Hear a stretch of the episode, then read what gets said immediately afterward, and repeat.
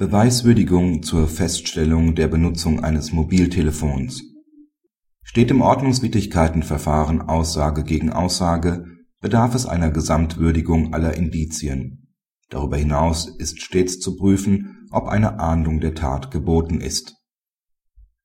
Das Amtsgericht verurteilte die Betroffene zu einer Geldbuße, weil sie während der Fahrt angeblich ein Mobiltelefon benutzt hat Hierbei stützte sich das Amtsgericht auf die Aussage eines Gemeindevollzugsbeamten, welcher angegeben hatte, deutlich und mit direkter Sicht auf das Fahrzeug der Betroffenen gesehen zu haben, wie die Fahrerin ein Mobiltelefon an ihr Ohr gehalten hat. Das OLG stellte das Verfahren gemäß § 47 Absatz 2 OWIG ein. Die Urteilsgründe seien unzureichend. Zwar sind im Ordnungswidrigkeitenverfahren keine hohen Anforderungen an die Urteilsgründe zu stellen Gleichwohl müssten sie so beschaffen sein, dass sie dem Beschwerdegericht eine rechtliche Überprüfung auf die Sachrüge hin ermöglichen.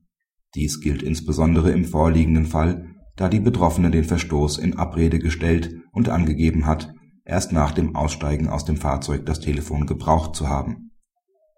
Diese Aussage ist durch die Aussage ihrer im Fahrzeug mitgefahrenen Mutter gestützt worden.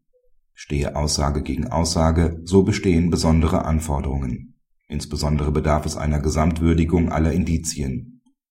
Der Tatrichter muss die für die Bedeutung der Glaubwürdigkeit wesentlichen Umstände im Urteil darlegen und würdigen. Hinsichtlich der Aussage des Gemeindevollzugsbeamten, auf dessen Aussage sich das amtsgerichtliche Urteil stützt, reicht es nicht aus, wenn das Gericht nur mitteilt, der Zeuge habe direkte Sicht auf das Fahrzeug gehabt. Vielmehr ist erforderlich, dass die konkrete Örtlichkeit geschildert wird Darüber hinaus sei unabdingbar, dass Angaben zur Entfernung zwischen dem Standort des Zeugen und dem Fahrzeug, über dessen Geschwindigkeit und zur Dauer der Beobachtung gemacht werden.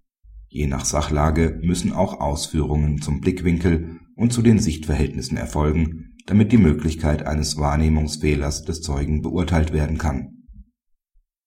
Praxishinweis Für das Ordnungswidrigkeitenverfahren gilt das Opportunitätsprinzip Sowohl die Verwaltungsbehörde wie auch das Gericht müssen nicht jeden Verstoß ahnden.